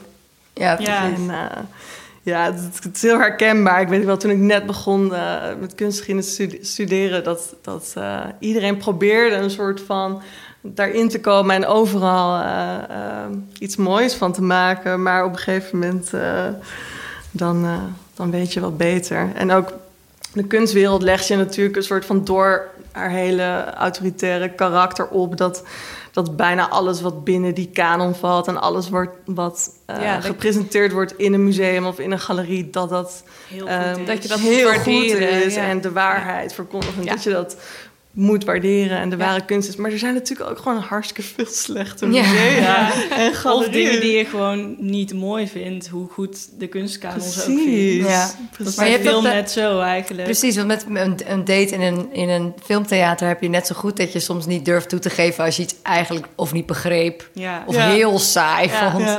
We hadden het ook laatst op Slack eh, met het kantoor. Had, iemand had gevraagd van... eh, zijn jullie ooit op filmdate geweest? Ja. Of wat eerste- was jullie je eerste filmdate? filmdate. Daar kwamen ook echt horrorverhalen naar voren. Ja, ja. Wat vertelde jij dat je irreversibele thuis Ja. had gekeken? Ja, dat Wauw, een jongen dat me had is echt- uitgenodigd bij hem thuis. Toen gingen we Gaspar Noé's Irreversibele kijken. Want dat was een van zijn favoriete films. En toen Heftig. heel alle erg alarmbellen af. Ja. Ehm, Fien, welke fragmentje heb jij meegenomen? Oh, eh, ja, ik heb een eh Franstalig fragmentje. Eh, en heel kalm. Wat ik ook echt bij de kunstwereld vind passen. Maar ja, ik hou gewoon heel erg van Portrait de la Jeune Fille en Feu, want dat is gewoon een topfilm. En daar gaat het ook over kunst, maar dus helemaal niet over de kunstwereld. Want het gaat over twee vrouwen, Heloïse en Marianne. En Marianne is een eh, schilder en zij moet een portret maken van Heloïse, want die is uitgehuwelijkt aan een man die eh, graag een portret van haar wil. Maar Heloïse... Voordat hij met haar trouwt. Precies, voordat hij met haar trouwt. Om even te kijken wat voor vlees hij in de kuip heeft. Maar goed, maar Eloïse is nogal een eigenwijze vrouw... en die heeft helemaal geen zin dat iemand een portret van haar gaat maken. Dus die Marianne die moet dat eigenlijk stiekem doen. En eh, om dat te bereiken zitten ze samen op een eiland of zo... of in ieder geval ergens aan de kust, heel erg geïsoleerd. En eh, ze zitten gewoon samen in een huis. Nou, in, intussen bloeit er een soort eh, lesbische romance op... Maar ten tijde van dit fragment nou, is dat nog niet helemaal zeg maar, tot uiting gekomen. En in dit fragment heeft Marianne dan net de eerste versie van een schilderij gemaakt van Heloïse. Maar dat schilderij is echt een zieloos portret. Ja, ik bedoel, het is haar wel, dat zie je heel duidelijk. Maar verder is er niks bijzonders aan dat Geen portret. ziel. Het heeft echt geen ziel. Nee, Ja. het is echt heel saai. Ik vind trouwens degene die, die dat prop schilderij gemaakt Ja. heeft ook echt knap. Want Heel Ja, dat is een beetje zoals dansen zonder ritme, als je wel ritmegevoel hebt. Ja, dat, lijkt me heel moeilijk om iets heel lelijks te Ja. schilderen als je eigenlijk heel goed kan schilderen. Inderdaad, dus het is zo expres een beetje lelijk, maar niet lelijk genoeg. Weet je, het is wel ook niet duidelijk echt dat het een goede schilder is. Maar Ja. Ja, want, Ja, want dat is echt knap, je wil nou natuurlijk ook niet dat die Marianne opeens wordt weggezet als een slechte schilder. Dat is ze ook niet. Maar meer, ze heeft de essentie gewoon nog niet helemaal kunnen eh, grijpen. En ja, dit, ik zal even een beetje vertellen wat ze tegen elkaar zeggen. Want ik neem aan dat niet iedereen Frans spreekt. En wij hebben goed, wel en, ondertiteling. eh, eh, ja, en wij hebben ondertiteling. Eh, maar goed, zij laat dus dat eh, schilderij voor het eerst zien. En eh Eloïse die zegt, eh, ben ik dit? Eh, zie je me zo? En dan zegt eh, die Marianne van... nou ja, het gaat niet alleen maar over hoe ik jou zie... het gaat ook over stijl en conventies en regels. En die Eloïse die moet daar helemaal niks van eh, hebben. En die is heel beledigd en die zegt dan van... ja, het gaat toch over mijn persoonlijkheid... en die zie ik helemaal niet terug in dit schilderij. En... en, en dat het gaat over haar gevoelens. Want er is dus ook een soort van lesbische gevoelens die zijn daar Want dat is natuurlijk ook erg dus ze aanwezig. Ziet, ze ziet niet terug dat er op, daar op de goede manier naar haar wordt gekeken. Precies, ja. Ze ziet niet zeg maar de, de soort van spanning die er eigenlijk tussen hun wel heel erg heerst. Die zie je niet terug in dat hele vlakke schilderij. Uh, maar goed, dan zegt die Marianne van... oh nee, maar de gevoelens, weet je wel, en persoonlijkheid... dat zijn vluchtige dingen, die gaan ook weer voorbij. En dan zegt Louise, nee, sommige daarvan... die gaan diep en die zijn profond, zegt ze. Mm dus, dus dat is een soort van eerste ja, duidelijke aanwijzing van... oké, okay, hier, something is about to happen. Um, ook te zien op Vitamine Cineville, by the way. Maar laten we even gaan uh, luisteren. C'est moi? Oui. Vous me voyez comme ça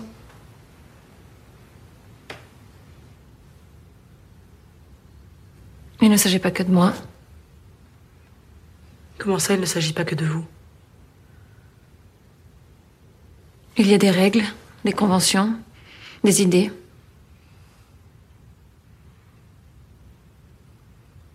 Vous voulez dire qu'il n'y a pas de vie? Pas de présence? Votre présence est faite d'états passagers, d'aspects momentanés, cela peut aussi manquer de vérité. Tout n'est pas passager. Certains sentiments sont profonds. Wat hebben zij fijne stemmen. Ja, hele, hele fijne stemmen, hè? Ja. meteen helemaal rustig van. Ja. Een soort van ASMR. Ja. Voor deze film luisteren. Dat is wat we moeten doen. Ik, vind het ook leuk omdat het ook heel erg gaat over dat soort van kijken. Toch, portret La Jeune of heel erg gaat over kijken en bekeken worden Ja. en kijken. En Ja. ik moest wel denken aan dat fragment wat jij net van 500 Days of Summer liet zien. Dat het kijken naar iemand die je leuk vindt, die naar iets kijkt, ook heel leuk is. Ja. Dus Ja. ik ben nog nooit echt op een date geweest naar het museum. Maar ik ben wel een keer bijvoorbeeld met een vriendin die in Amerika woonde en dus kunstgeschiedenis had gestudeerd. Maar nog nooit de klassiekers had gezien. Ben ik naar Parijs geweest, gingen we naar het Louvre en zij had gewoon nog nooit. de- en zij moest helemaal huilen de hele tijd. Kijk je Maar een ik beetje soort- door haar ogen. Ja, dat ik dacht, zo, dat raakt je echt op een niveau wat ik helemaal niet... Voor mij is het veel normaler. Toen dacht ik ook, wat ben ik verwend eigenlijk met dat soort musea in de buurt... waar je, weet je, even naar het Rijks toen je jonger Ja, was. En, zijn we ook. en als iemand echt verroerd raakt door een kunstwerk... is dat natuurlijk heel leuk om naar te kijken. Mm, ja. Ja. Net als dat iemand, dat je stiekem tijdens de film even naar links of naar rechts Maar heb je dat niet ook als je naar de film gaat? Op date? Jawel, maar ik, maar, jawel, ik kijk waarschijnlijk ook wel af en toe zo. En dan hoop ik dat voor de mensen die naast mij staan of zitten... dat ook heel leuk is om naar te kijken. maar dat is een soort nog een dubbele laag van het kijken naar kijken. En daar kan je dan ook een beetje verliefd op worden of zo. Ik Mm. vind dat wel een mooi idee. Mooi. Ja.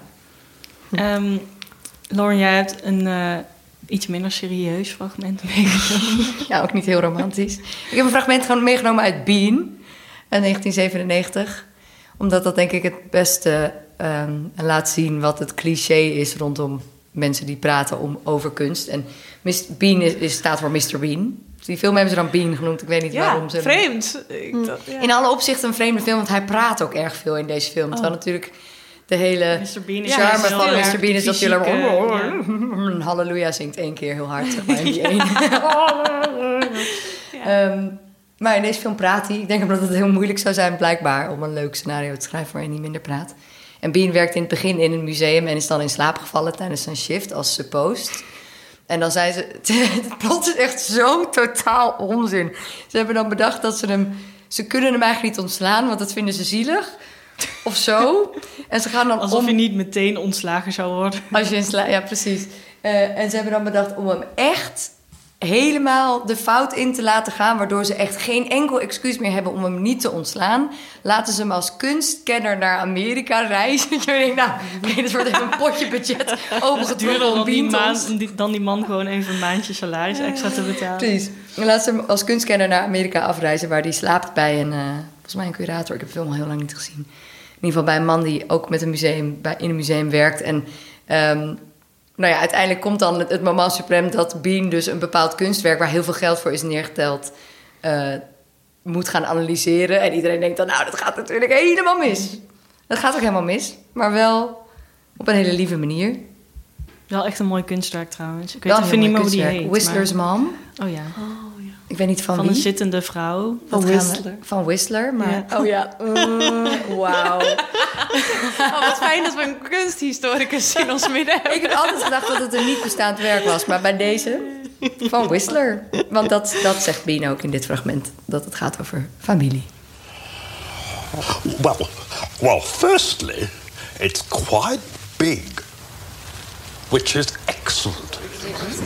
Because if it was really small, you know, microscopic, And hardly anybody would be able to see it, which would be a tremendous shame. Um, secondly,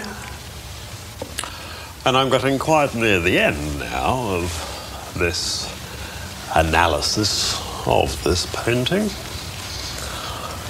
Secondly,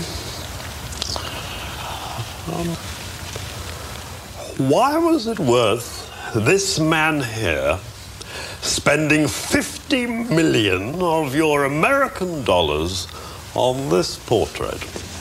And, and, and, and the answer is, um, well, this picture is worth such a lot of money because it's a picture of Whistler's mother. And as I've learned by staying with my best friend, David Langley, and his family, families are very important. And even though Mr. Whistler was perfectly aware that his mother was a hideous old bat who looked like she had a cactus lodged up her backside, he stuck with her and even took the time to paint this amazing picture of her. It's not just a painting, it's a picture of a mad old cow who he thought the world of. Nou, Oh, heel lief. Lang niet zo grappig als het ik toen vond. Maar wat ik wel heel leuk vind, is dat je nu met terugwerkende kracht... als volwassene denkt... oh, hij zegt nog wel heel eventjes iets over dat het zo belachelijk duur is. Wat ons Ja. weer terugbrengt bij waar we het over hadden... van wat, wat, wat de waarde van kunst... van waarom zou je 50 miljoen betalen voor dit werk? Uiteindelijk beschadigt hij hem toch? Dan niest hij er overheen. Oh ja, dan gaat hij het ook nog zelf... gaat hij het een zelf doen proberen waar een inktvlek op zit, gaat hij proberen het weg te halen. Gaat hij het zelf proberen te renoveren ook nog, toch? En Ja, dan wordt het ja, eerst ja. een soort van een heel raar cartoon Ja. character. Er zit wel flarden van deze film nog in mijn hoofd, maar Ja. ik ben hem grotendeels vergeten. Ik vind het wel ook leuk dat het publiek gewoon braaf met hem meeknikt en eh oh ja, Ja, ja, ja. zegt. Het is echt groot, ja. Dat is Ja. wel fijn. Ja, dat is, daardoor heb je soms alsof denk je ik hele inderdaad wel, je kan alles zeggen. Ja. Eh, de derde film waar we het vandaag over gaan hebben is eh, eigenlijk een hele andere film, want die is gemaakt door iemand die midden in het verhaal staat. En dat is White Cube. William Levert azali capitaliste azali colonisateur azali mpe lisusu moko oyo abloka bénéfice quelque part e- e- ezonga kote oyo Oh, bonjour Biteki, bonjour, bonjour. Ja, als we het eh, hebben over het blootleggen van bepaalde ehm, structuren en, en machtsstructuren binnen de kunstwereld, ehm, eh, is de documentaire White Cube van, eh, van Renzo Martens echt een, eh, een voorbeeld die eigenlijk niet te missen is. Hij is in ehm, 2020 uitgekomen, afgelopen eh, ITVA. En eh, Renzo Martens is een, eh, een Nederlandse kunstenaar die grotendeels veelal bekend is geworden door zijn zeer spraakmakende film, documentaire Enjoy Poverty uit 2009 of 2008. En daarvoor is hij naar palmolieplantages ehm, van de Democratische Republiek Congo, met als hoofdstad Kinshasa, afgereisd om, eh, om armoede daar eh, te onderzoeken. Ehm, en daar onderzoekt hij vragen als wie bezit armoede of wie profiteert er eigenlijk van, van armoede. Ehm, en dat zijn natuurlijk eh, niet de armen zelf, maar met name de uitbuiters. Die plantages worden allemaal, ja, die zijn allemaal van, of grotendeels van Unilever. Ehm, en daarnaast eh, de fotojournalisten die hier eh, in het Westen allemaal eh, prijzen in de wacht slepen en daar veel geld aan verdienen. Natuurlijk ook filmmakers en, en adviseurs. Die werken op, op dit gebied. En Enjoy Poverty is een hele, was en is nog steeds een hele spraakmakende documentaire. Ehm, hij gaat in gesprek met die plantagearbeiders en hij eh, probeert ze eigenlijk te leren door middel van eh, workshops dat als ze het heft in eigen hand nemen en eh, foto's maken van hun armoede, eh, om deze vervolgens te verkopen, dat ze daar geld mee kunnen verdienen. En zo leert hij ze dat foto's van verkrachte vrouwen en uitgehongerde kinderen eh, veel meer geld opleveren dan foto's van feesten en partijen. En Ja. Dit zijn hele, ja, dit zijn hele Heftig. heftige, Heftig, ja. heftige eh, provocerende eh, scènes, Ja, waar ja. nog steeds veel over wordt eh, gesproken en, en geschreven. Ehm, en White Cube is eigenlijk ehm, het vervolg, of het logische vervolg voor hemzelf op Enjoy Poverty. Ehm, Martens was namelijk uitgenodigd om Enjoy Poverty eh, te vertonen in Tate Modern in Londen. En toen hij daar was, eh, zag hij overal Unilever-logo's prijken op alle witte museum. Want de Tate. Modern, dat is echt een super gerenommeerd museum in, in Londen. Hè? Ja, voor de mensen die het die, niet weten. Ja. Die, die voor een groot deel gefund worden, gefinancierd door, eh, door Unilever. Ehm, en er is ook een speciale Unilever-series geweest... waarbij eh, ze eh, echt grote kunstenaars als Tina Segal en Olafur Eliasson lieten zien. Ehm, ja, en naar eigen zeggen heeft Martens ook echt geprofiteerd van deze film, van Enjoy Poverty. Hij eh, heeft eh, zijn rekeningen en huur ervan betaald, een auto eh, hiervan gekocht. En, Zijn huwelijk. zijn huwelijk, Oh ja. precies. Ja, Ehm, maar natuurlijk heeft de plaat eh, die dit allemaal mogelijk heeft gemaakt... en de mensen die hij hiervoor heeft ingezet eigenlijk... hebben hier alles behalve van geprofiteerd. Sterker nog, na tien jaar tijd blijkt er helemaal niets veranderd te zijn. Er is ook een Human eh, Watch Report ehm, uitgekomen over, eh, ja, over de staat daar. En dat Oh het ja. eigenlijk Ja. eh, vrijwel niets veranderd is. Ehm, ja, dus White Cube is, gaat eigenlijk nog net iets verder in het, in het eh, blootleggen en ontleden van deze structuren, met name van de kunstwereld en van ook eh, gen- gentrification, ook in Londen. Ehm, ja, de film begint eh, dat hij zegt: I am Randall Martins. eh, I am an artist. I have benefited from inequality and poverty my whole life. Ehm, en dat hij wil uitzoeken of kunst wel oprecht kan zijn. En of kunst wel met eh, de wereld kan dealen zoals deze echt, eh, echt is. Hij komt dan ook aan in een eh, nette wit pantalon, over- Ja, een wit overhemd, nette ja. heren schoenen. Ja, maar strooien vooral een hoed soort kolonialistisch aandoende safari-achtige hoed. Ja. Ehm, wat gewoon super ongemakkelijk is, maar hij doet het er gewoon om. Ja. mij. Ja, daar ging ik in ieder geval wel van uit dat hij dat expres doet. Maar Ja. dat weet, ja, ik bedoel, dat weet je niet. Maar Ja, in interviews zegt hij wel dat hij dat, dat hij juist dat. Ja, zo, dat, zo'n dat, zijn, dat hij juist die positie extreem ook zich van bewust is en wil Ja. aannemen. We kunnen het wel straks hebben over in hoeverre je dat echt kan zijn. Ja. Maar, precies. Ja, ehm, dat hij daar juist inderdaad mee, dat hij, dat hij zegt van ik, ik, ik ben niet bang om met die camera op mezelf te laten zien dat dat, dat, dat mijn positie is als Ja. ik daar sta. Ja, ja. Eh, Het is wel een interessant gesprek met hem met- de Bali. Als je dat weer terugkijken op YouTube. Ja, heel toen die film uitkwam. Maar hij gaat daar dus dit keer niet, gaat het niet over foto's maken van armoede, maar over hun kunst. eh, kunst maken en die vervolgens. pro- voor, hij probeert voor elkaar te krijgen om die te laten exposeren, waar zij dan vervolgens ook nog iets aan over zouden moeten houden in kunstinstellingen. Precies. Ja, hij gaat eerst naar één plantage waar hij vervolgens wordt, eh, wordt weggestuurd. Ehm, en eh, waarom hij heel hard eh, moet huilen. Ja, wat is zo verschrikkelijk. Daar vond ik ook een is. beetje in twijfel trok of dat nou oprecht was of Ja, niet. ik hij speelt dat de hij hele dat tijd met... deed. Ja. Ja. Want hij gaat echt zo huilen, zo voor de camera. Hij gaat ook echt nog Hij even zo voor de camera wendt zijn staan. gezicht niet af. Ja, nee, dat zijn precies. En ook naar die arbeiders, maar Ja. die natuurlijk ook wilden meewerken aan dat project. dus het Want is het zijn allemaal ook heel... plantages van Unilever, hè? Ja. Waar die naartoe gaat. Ja. Ja. Dus eigenlijk het geld dat die palmolie oplevert, dat zit in het teet.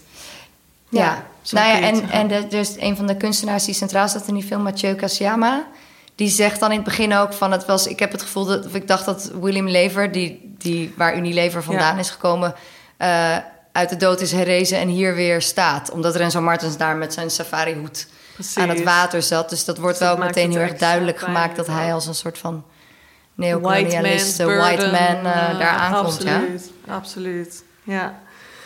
Dus na weggestuurd te zijn ehm, op de eerste plantage be- belandt hij uiteindelijk in Lusanga, waar hij ehm, eh, workshops gaat geven en uiteindelijk op het idee komt om de plantagearbeiders eh, zelfportretten te laten maken ehm, in klei, om deze vervolgens door middel van 3D-technologie ehm, eh, na te maken in chocolade.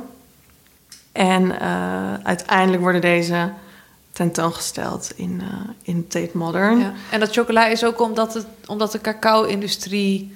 Toch? Dat, daar heeft Ja, iets daar mee komt te ook maken. heel veel dat, eh, cacao uit ja. de Democratische Republiek Congo. Ja. En die plantagearbeiders in de film eh, hebben zelf dan ook nog nooit chocolade geproefd. Ja. Dus dat maakt het nog extra cru. Ja, Ja, ja, ja. Die arbeiders lachen, die kijken mee naar dat evenement vanuit daar en die lachen zich natuurlijk rot. Want ze hadden nog nooit zoiets gezien en dat hun, hun werk of hun, ja, hun werken worden, worden gekocht. Daar, Ja. Het is te bizar gewoon. Ehm, nou, uiteindelijk eh, richt eh, Martens daar een, eh, een, samen met hun een, een kunstenaarscirkel op, CTPC. Ehm, en om kapitaal aan te trekken besluiten ze om daar een museum te willen bouwen, een, een White Cube. Wat wordt, het wordt ontworpen door, eh, door OMA, het architectenbureau van Rem Koolhaas. Ja, dan staat er dus eigenlijk gewoon een witte Staat kubus gewoon zo midden in de... mi- Ja. midden Ja. op de plantage. Ja. Ja. ja. En daaromheen zijn ze dan bezig met hun land weer terug te... Het idee is ook dat van de inkomsten van de kunst... het land daaromheen dan weer teruggekocht kan worden. En van hun kan worden weer. Ja, in plaats Precies, van, van dat is Unilever. uiteindelijk, eh, uiteindelijk het doel om met inderdaad opgebrachte geld stukken land terug te kopen. Eh, daarmee een postplantage te creëren met meer biodiversiteit. eh, waaronder dus cacaobomen, bananenbomen, kleine Ja. palmbomen. Eh, want wat Unilever heeft gedaan is alleen maar monoculturen eh, Waardoor, de land, eh, waardoor het land dus nog meer wordt, eh, wordt uitgeput. En uiteindelijk gewoon eh niets meer wordt. waard is. Ja. Ja. Ja. Ja. Dus, maar dat is natuurlijk ook weer heel discutabel van... oké, ze willen daarmee hun land of het land terugkopen... maar dat is gewoon land dat eigenlijk toebehoort aan hen... en aan Ja. hun voorouders en onrechtmatig verkregen is... Door, toegeëigend is door eh, Unilever. Ja. Ja. Dus dat is ook heel, eh, heel cru en, en discutabel... dat ze dat uiteindelijk moeten, moeten terugkopen. En toch ook aan het eind, dat beeld van die kubus aan het eind in de jungle... krijg je ook het gevoel van, oké, en nu? En nu? Nu wat? Het voelde Ja. een beetje ook omdat je weet dat er na Enjoy Poverty ook... weet je, dat, dat zo- zo'n project gewoon eigenlijk uiteindelijk weer een soort van inzakt... en niet wordt onderhouden waarschijnlijk. Dus dat het een soort van, oké, wat heb je daar komen... wat ben je daar komen brengen Doen, slash ja. doen... en dan ga je weer weg. weet je, hoe wordt dat Behalve je eigen onderhouden? kunstprojectje maken Ja, eigenlijk. Ja, ja en critici het noemen het ook echt wel een ego-document. Ja. wat ze Ja, al het helemaal zeiden ja. over Enjoy Poverty. Ja. Eh, en waarvan hij pretendeert dat het bij White Cube anders is. Omdat en dat hij halverwege meer, de film steeds meer verdwijnt Precies, steeds meer het verdwijnt naar de, naar de achtergrond. Maar Ja, maar goed, hij Ja, verdient maar hij is echt zo ijdel.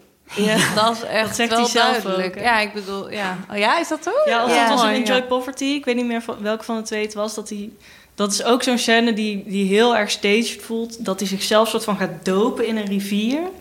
Ehm, en dan zegt van ja, je moet echt oppassen dat je niet ijdel wordt. En ik weet dat ik zelf heel ehm, vatbaar ben voor ijdelheid. En Oh, dan ja. denk je, ja, Ja. klopt. ja, dat geeft hij ook toe in interviews. Dat hij het zonder Ja. een bepaalde mate van, Nee, ja, van dat- ijdelheid niet eh, Nee. vol zou kunnen houden. Of eh, ja, aan de ene kant is hij gewoon een ego-tripper. Maar aan de andere kant Hij weet het wel. dat hij, dat hij echt, eh, ja, echt wel iets... eh, Iets wil. Iets wil. iets zichtbaar wil maken wat anders gewoon eh, niet eh, Ja, en dat op is die een manier beetje- zichtbaar ja, Natuurlijk wordt. het wrangen van je kan enerzijds...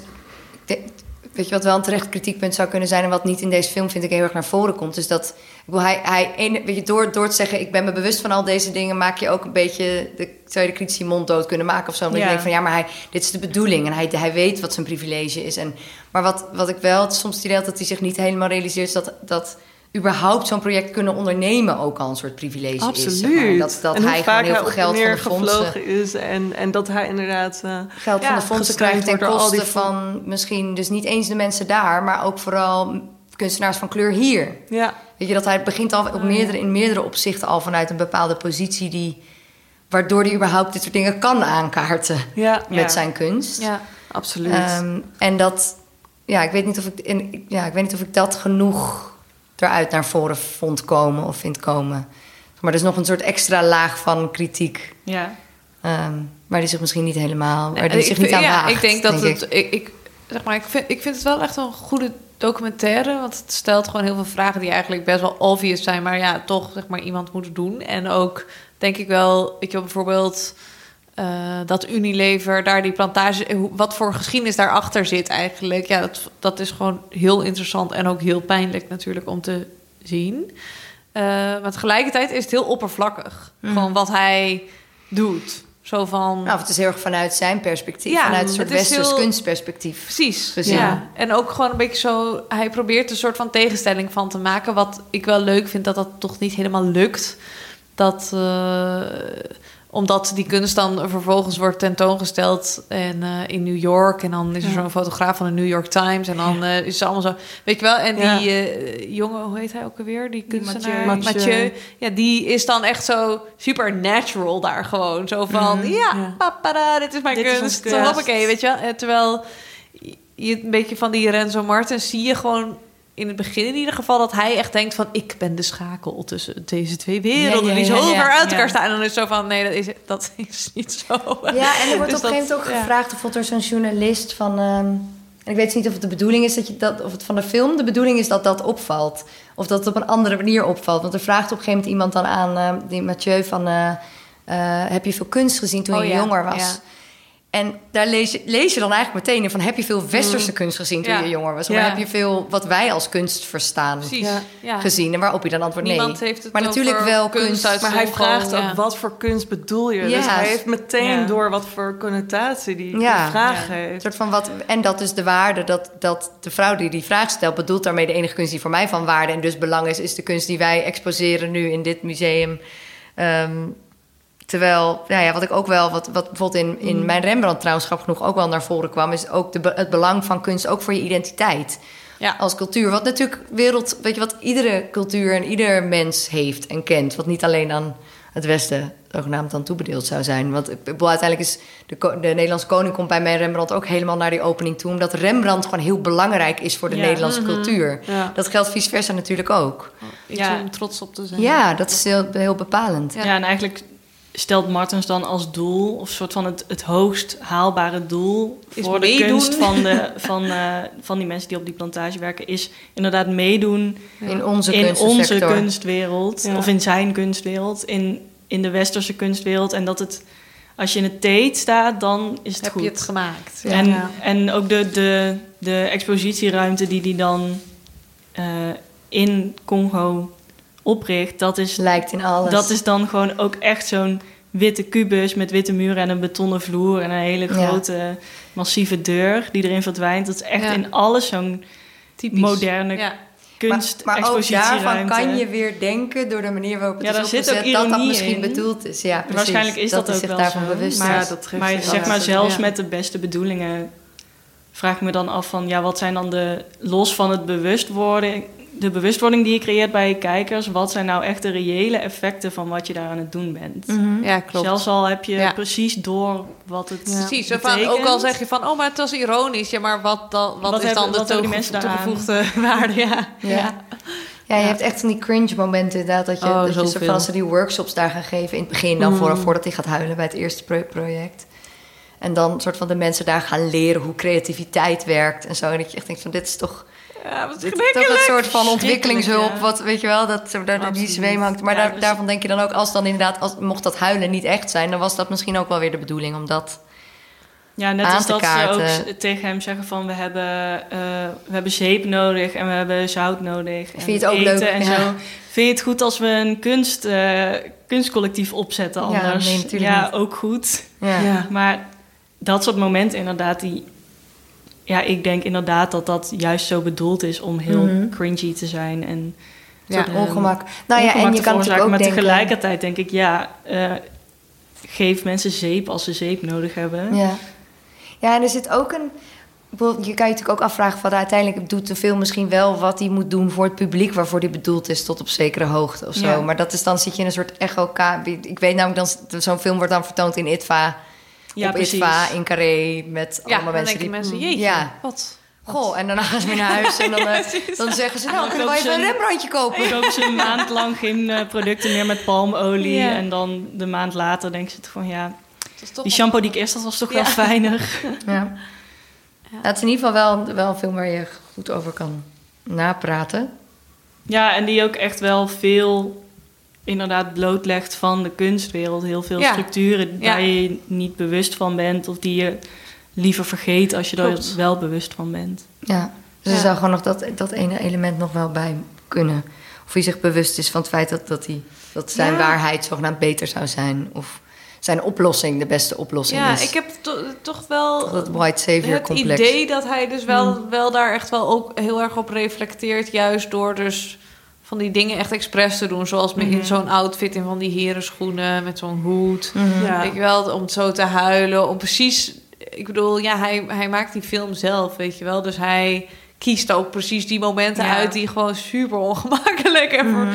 eh, eh, zijn. En ook wel, die ook wel echt de mislukking van die projecten ook laat, laat zien. Voor een Ja. deel in ieder geval. Maar ja, dan is het grootste Dus dat- probleem is dan dus ook dat, er, dat, dat hij momenteel een van de weinige mensen is die dit verhaal kan vertellen. Daar, daar zit het probleem hem dan ook in, toch? Omdat hij het geld ervoor krijgt. Ja, hij Omdat krijgt geld, die- hij krijgt een dus podium, alleen hij de- krijgt aandacht. de kunstenwereld wat dat betreft ongelijk, eh, ja. verschrikkelijk eh, ongelijk is, maar ook de filmsector. Ja, zeker. Waar hij Ja. ook weer deel van uitmaakt. Maar hij is echt een kunstwereldfiguur. Ik bedoel, hij, ook als hij dan zo... Er is, er is zo'n shot dat hij dan zo gewoon vertelt in de camera. Echt zo'n typisch documentaire shot. En dan is er zo'n stapeltje boeken. En dan is er zo'n stapeltje boeken zo van... White Fragility. Ja, ja, ja, daarvan weet- je weet ook, hij heeft zijn zo eigen neergelegd. werk. Ja. En dan nog Ja. dat je echt denkt van... Oké, ja, dit heb jij helemaal Ja. zo... Ja. Ja. Ja, ik denk Ja. ook wel dat hij zich daar wel echt... dat hij daar bewust mee Ja. bezig is. Ja. Weet je waar ik ook benieuwd Ik zou bijvoorbeeld om die reden ook heel benieuwd zijn naar een film van Ruben Östlund over de filmindustrie. Want die heeft dan nu een film gemaakt over de kunstwereld. Maar dat je soort van als iemand zijn eigen. Veel te gevaarlijk. Ja, weet ik niet. Dat, zou, niet. dat Dat- dan wordt hij al helemaal nooit meer genomineerd. Dan wordt het spannend, ja. Ja. Want kan je dan nog even eh, kritisch en satirisch Ja. zijn als Ja. je eigenlijk het ook over, heel erg over jezelf moet hebben? Ja. Ja, en dat is sowieso eigenlijk een dooddoener. Want dan stel je jezelf centraal in een werk waarin je jezelf Niet centraal, Niet wil stellen. wil Maar dat, nou ja, en dat is dus wel wat Renzo Martens doet, dat dus wel. Ja. Want die stelt wel zichzelf toch wel, zeker, de eerste helft Ja. van deze Ja. film, heel erg centraal. Ja. En ook in alle interviews nadien. En in alle persaandacht. Het voelt een wel. beetje als die mensen die eh, na een bachelor gaan backpacken in Azië en dan terugkomen en zeggen dat ze zichzelf helemaal ontdekt hebben. en dan de- denk je, ja, je hebt vast heel veel geleerd, maar Wat heb je achtergelaten? ja, moest dit echt zo? Ja. ja. Ja, goeie. Maar het is wel, ik, ik denk, voor veel mensen dat er ook gewoon heel veel geleerd, wel ook geleerd kan worden uit zijn films. Alleen wel dat je je bewust moet zijn van dat dat ook maar één perspectief is. Ja, en dat hij er gewoon enorm van profiteert. Ja, namelijk Ja. dat van hem. Maar dat er wel natuurlijk ook dingen in, in de geschiedenis daarvan zitten die misschien mensen ook niet weten. Of, nou ja, hoe- alhoewel ik daar dus aan twijfel als je denkt, bedenkt wat het publiek van White Cube is. Dan lijkt me dat dat wel mensen zijn die wel we- ongeveer weten hoe de kunstwereld in elkaar steekt. Hoop je. Ja, maar, misschien misschien niet een reminder nodig ja. hebben. Ja. Ja.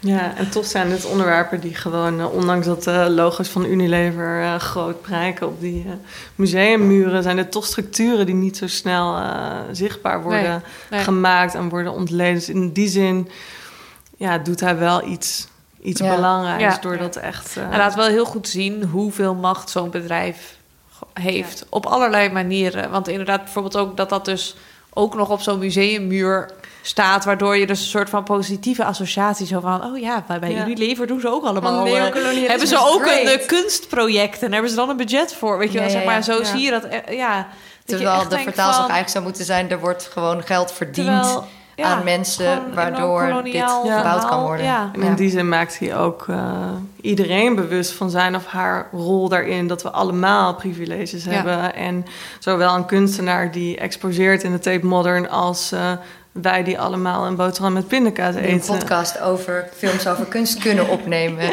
onder werktijd. Ja, en dan is film Met een ook wel een, pindakaas. eh, een sexier medium om dat onder de aandacht te brengen, denk ik, dan een voetnoot ergens op een muur in een museum. Ja, of Ja. een stuk. Voor mij in ieder geval. Ik merk Ja. aan dat ik, daar, dat ik door film daar Ja. sneller over na ga denken. En misschien voelt hij ook die noodzaak om dat dus op een hele theatrale, uitvergroten manier vol clichés en pijnlijke, ongemakkelijke Ja. momenten te doen om, om dat maar eh, ja, zo aan het licht te brengen. Ja, en wat ook valt wat me voor te zeggen. maar toch ook wel opviel, dus is van alle drie die films eigenlijk, dat het ook allemaal films zijn die ook over een soort van toxic masculinity gaan. Maar dan is het natuurlijk ook een hele duidelijk 1, 2 van maar de. Want als het gaat over ongelijkheid in de kunstensector, dan is het ook natuurlijk zo dat alle mensen die daar het voor het zeggen hebben, of voor een groot deel, mannen zijn. Ja. Ja. Ehm, Ja, het gaat ook dus dat- gewoon echt, echt wel heel veel over eerzucht en hebzucht. De en, jacht. Ja, Ja. echt. En bewijsdrang. Totaal, ja, precies. Want Bewijsdrang, Irene Martens heeft dat ook heel duidelijk. Zo Ja. Van, Ja. ik ga hier iets laten zien. Ik ga wel even vertellen wat, Ja. eh, hoe, het, hoe het beter Ja. zou zijn. Ja. Ja. Ik heb wel het- ook eh, eh, van het weekend Velvet Buzzsaw gekeken. Omdat ik dacht, ik ga even een soort kunstsatires even af. Maar dat, toen dacht ik van, ik had gehoopt dat die even goed zou zijn als de Square. Maar die is toch echt een stuk platter. Ja, Wat dan ook zeker. over, eh, het zit ook vol met Vol clichés, clichés, over moderne ja. kunst, maar dan met een soort horror twist. Over, over schilderijen van een kunstenaar die is overleden, die is blijkbaar dan in kleine letters had gezegd: Je mag mijn werk nooit verkopen voor heel veel geld. Maar dan gaan mensen dat natuurlijk toch doen en dan worden ze één voor één.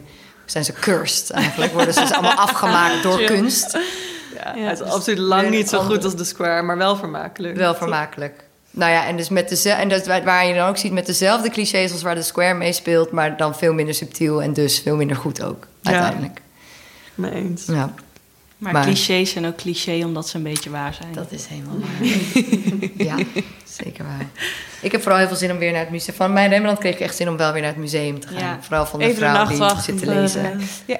Toch? Ik vond het ook mooi hoe die film zeg maar, tegelijkertijd een beetje op de, op de hak neemt hoe geobsedeerd mensen zijn met een Rembrandt puur en alleen omdat de naam Rembrandt eraan hangt. Maar tegelijkertijd de beelden van die kunstwerken zijn zo ja, mooi. die zijn heel mooi. En ja. zo intiem inderdaad. ja. En, en dat je ook wel snapt van ja, dit is wel, dit is wel iets bijzonders. Ja. ja. het, Ja. Is echt een, dat, dat- het heeft echt wel meerdere lagen. Want het wordt niet, ook niet zeg maar allemaal belachelijk gemaakt. Of, het wordt eigenlijk met heel veel respect...